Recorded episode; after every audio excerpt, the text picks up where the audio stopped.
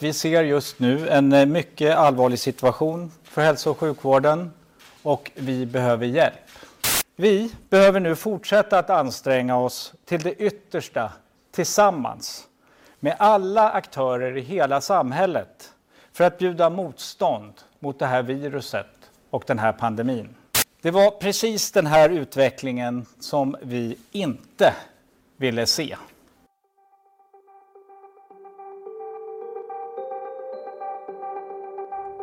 Coronapandemin, andra vågen.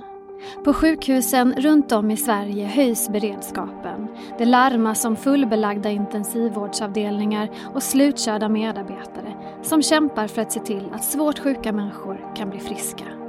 Hur är det att jobba med covidpatienter nu? Hur ser en arbetsdag ut? Och hur länge till orkar sjukvårdspersonalen? Det ska vi prata om i dagens Aftonbladet Daily. Maria Bölander är undersköterska på intensivvårdsavdelningen på Karolinska sjukhuset i Solna. Hon jobbar natt, från sju på kvällen till halv åtta på morgonen med att ta hand om covidpatienter. En arbetsuppgift hon haft sedan pandemin bröt ut. Maria Bölander säger att hon trivs väldigt bra på sitt jobb. Det känns viktigt och givande. Men det präglas av stora utmaningar på grund av corona. Och hon får börja med att berätta hur det är att befinna sig på sin arbetsplats just nu. Eh, det är ganska ett vakuum skulle jag vilja säga för att vi vet ju inte vart det här tar vägen.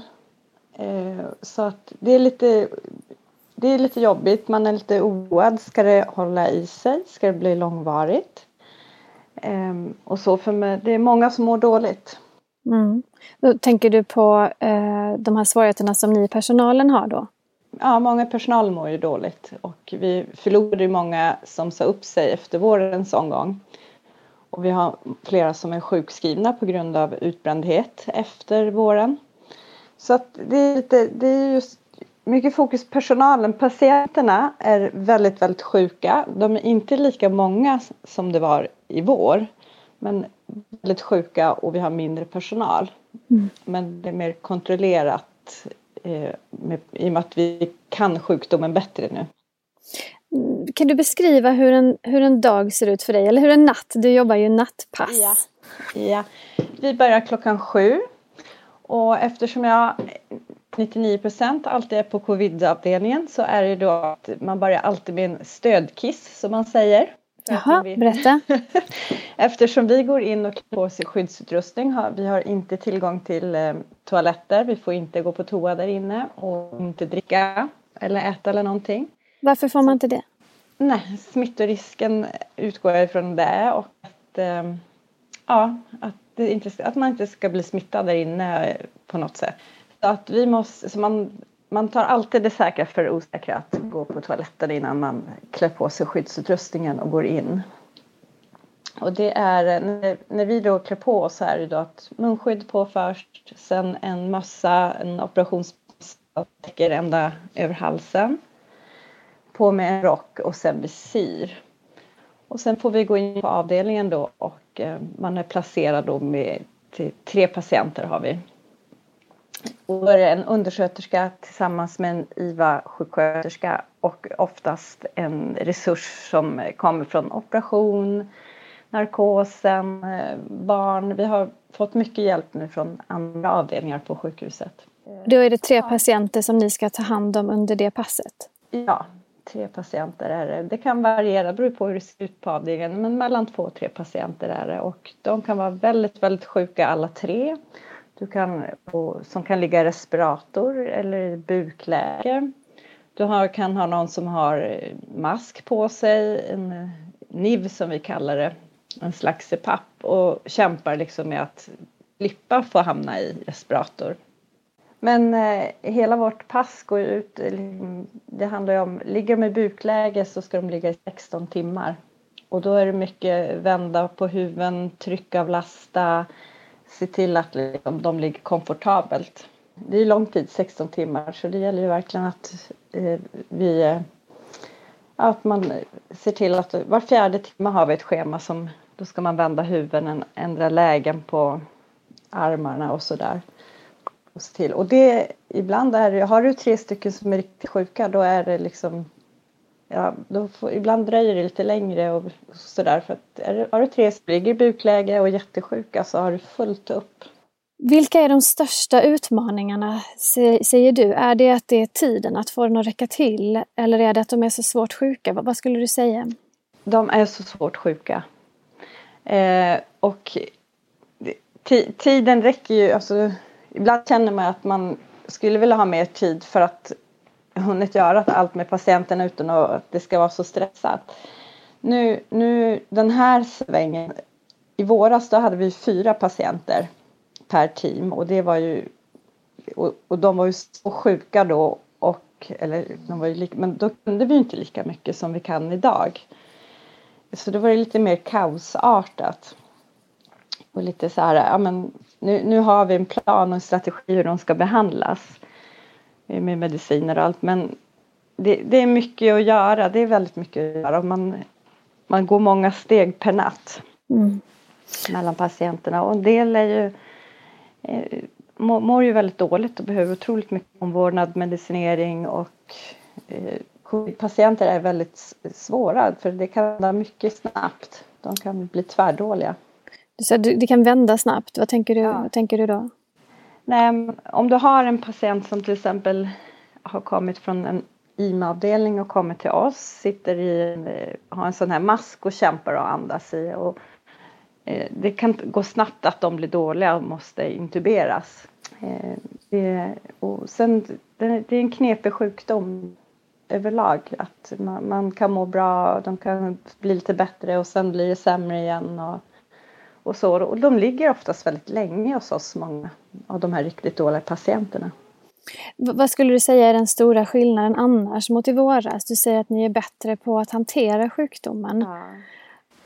Eh, det, det, är ju att det inte är lika mycket patienter. Mm. Det är mängden. Eh, och sen är det skillnad också att jag upplever att vi har lite yngre patienter den här omgången. Det är inte bara äldre utan det är mer spridda skurar åldersmässigt. När du pratade tidigare om hur personalen mår. Eh, nu är det ju en andra våg och det var ju många som trodde att den inte skulle komma. Mm. Nu är en del sjukskrivna då av dina mm. kollegor och så. Hur länge till orkar ni jobba så här? Ja, det är frågan det. Alltså det, det börjar bli folk som eh, är i och med att jag tror många blev ganska knäckta av att det inte blev några, alla semestrar, de som har semester över julen, att det blev indragna. Eh, eller indraget och eh, det, det, börjar bli folk sjukskrivna och vi är ju rädda för att det här ska bli långdraget. För att det, det är tungt att jobba 12,5 timmars pass. Och du förlorar ju mycket tid med, hemma med din familj. Ni får inga julledigheter alltså? Nej. All, alla semester är inställda. Mm. Hur mår du när du kommer hem efter ett sånt här långt pass? Man är, ganska, man är väldigt trött. Är man. Mm. Eh, väldigt trött och ja, trött både fysiskt och psykiskt. Eh, du går väldigt mycket, man rör sig otroligt mycket på avdelningen och sen är det ju fullt jobb med patienterna. Och ibland har du patienter som avlider, du har anhöriga att ta hand om. Ehm, ja, så det, man är ganska slut. När du tänker på den här pandemin och hur eh, vården har sett ut, hur, vad det har kommit för restriktioner. Jag tänker att, att, att du har känslor och funderingar kring det här. Kan du berätta lite hur du tänker? Ja, nej men man, man blir ledsen på att man inte att inte folk förstår riktigt allvaret. Jag kan förstå att folk är less och att det har gått långt. Men eh, när man ser det vi ser varje dag så blir man så här. Eh, ja, man blir ledsen att folk utsätter sig. Man ser att ja, men jag passerade, körde in på Mall of Scandinavias eh, parkering för att få en mat levererad in på parkeringen till mig. Så aldrig in, men det var fullt på parkeringen här i, eh, det, i förrgår man ser att det är smockat i parkeringsgaraget. Då blir jag liksom så här, nej men hur tänker folk nu? Mm. Eh, ja, det är lite skrämmande tycker jag. Och just, just för att vi är, jag är extra rädd att det får inte bli långvarigt där för då blir det tufft för oss på sjukhuset. Vad tror du om de kommande veckorna? Kommer du orka jobba dina långa pass eh, om det fortsätter så här? Ja, ett tag till känns det nog som att jag, jag har vuxna barn. Jag har eh, som hjälper till hemma och jag har min hund som det är skönt att gå ut i skogen och hämta ny energi och liksom röra på sig lite men man kommer inte orka hur länge som helst. Men några veckor till känns det ju som. Men eh, jag är orolig för många kollegor. Eh, och eh, ja, det, det är tufft. Vad är det framför allt tror du som kollegorna, vad är det som är jobbigast? Alltså det jobbigaste är ju längden på arbetspassen. Eh, och då, jag vet de som bland annat jobbar dagtid, de har ju jättemycket, för på dagtid är det ju väldigt mycket undersökningar. De kanske ska iväg på någon röntgen, de kommer från andra avdelningar och göra hjärtundersökningar och allt möjligt. Det händer väldigt mycket på dagen. Som på natten har vi mer fokus sova, att patienten ska få lugn och ro och försöka sova i den mån det går. Det är just de här långa arbetspassen, att folk inte hinner riktigt med återhämtning, hinner med tiden med familjen som är viktig och ehm, Ja, det tar... Jag är orolig för det sitter i så mycket sedan våren också för många. Mm. Får ni någon hjälp? Får ni, får ni prata med någon om era känslor ja, kring det här? Det får vi. Vi har tillgång till eh, eh kristeam som är hos oss 12 timmar varje dag. För jag tror det är från halv, halv åtta på morgonen till halv åtta på kvällen. Och våra chefer är ganska lyhörda många gånger att nu behöver du prata eller kollar upp hur man mår och och sådär. Mm. Men ja, för att jag tror om man ser från i våren så när vi fick semester i somras så var det ju inte riktigt semester på det viset utan det var liksom mer rehabilitering och återhämtning och alltså man var helt slut. Bara landa i det här och, eh, och nu köra igång igen och de här då som har fått indragna semestrar nu över julen och allt där så jag tror många är ganska knäckta. Sist här hörde vi Maria Bölander, undersköterska på intensiven på Karolinska sjukhuset. Jag heter Olivia Svensson och du har lyssnat på Aftonbladet Daily. Det sista Daily från 2020. Ta gärna del av vår årskrönika i fyra avsnitt som släpps med start i mellandagarna. Jag vill också passa på att önska en riktigt god jul och ett fantastiskt nytt år från hela Daily-redaktionen. Vi hörs!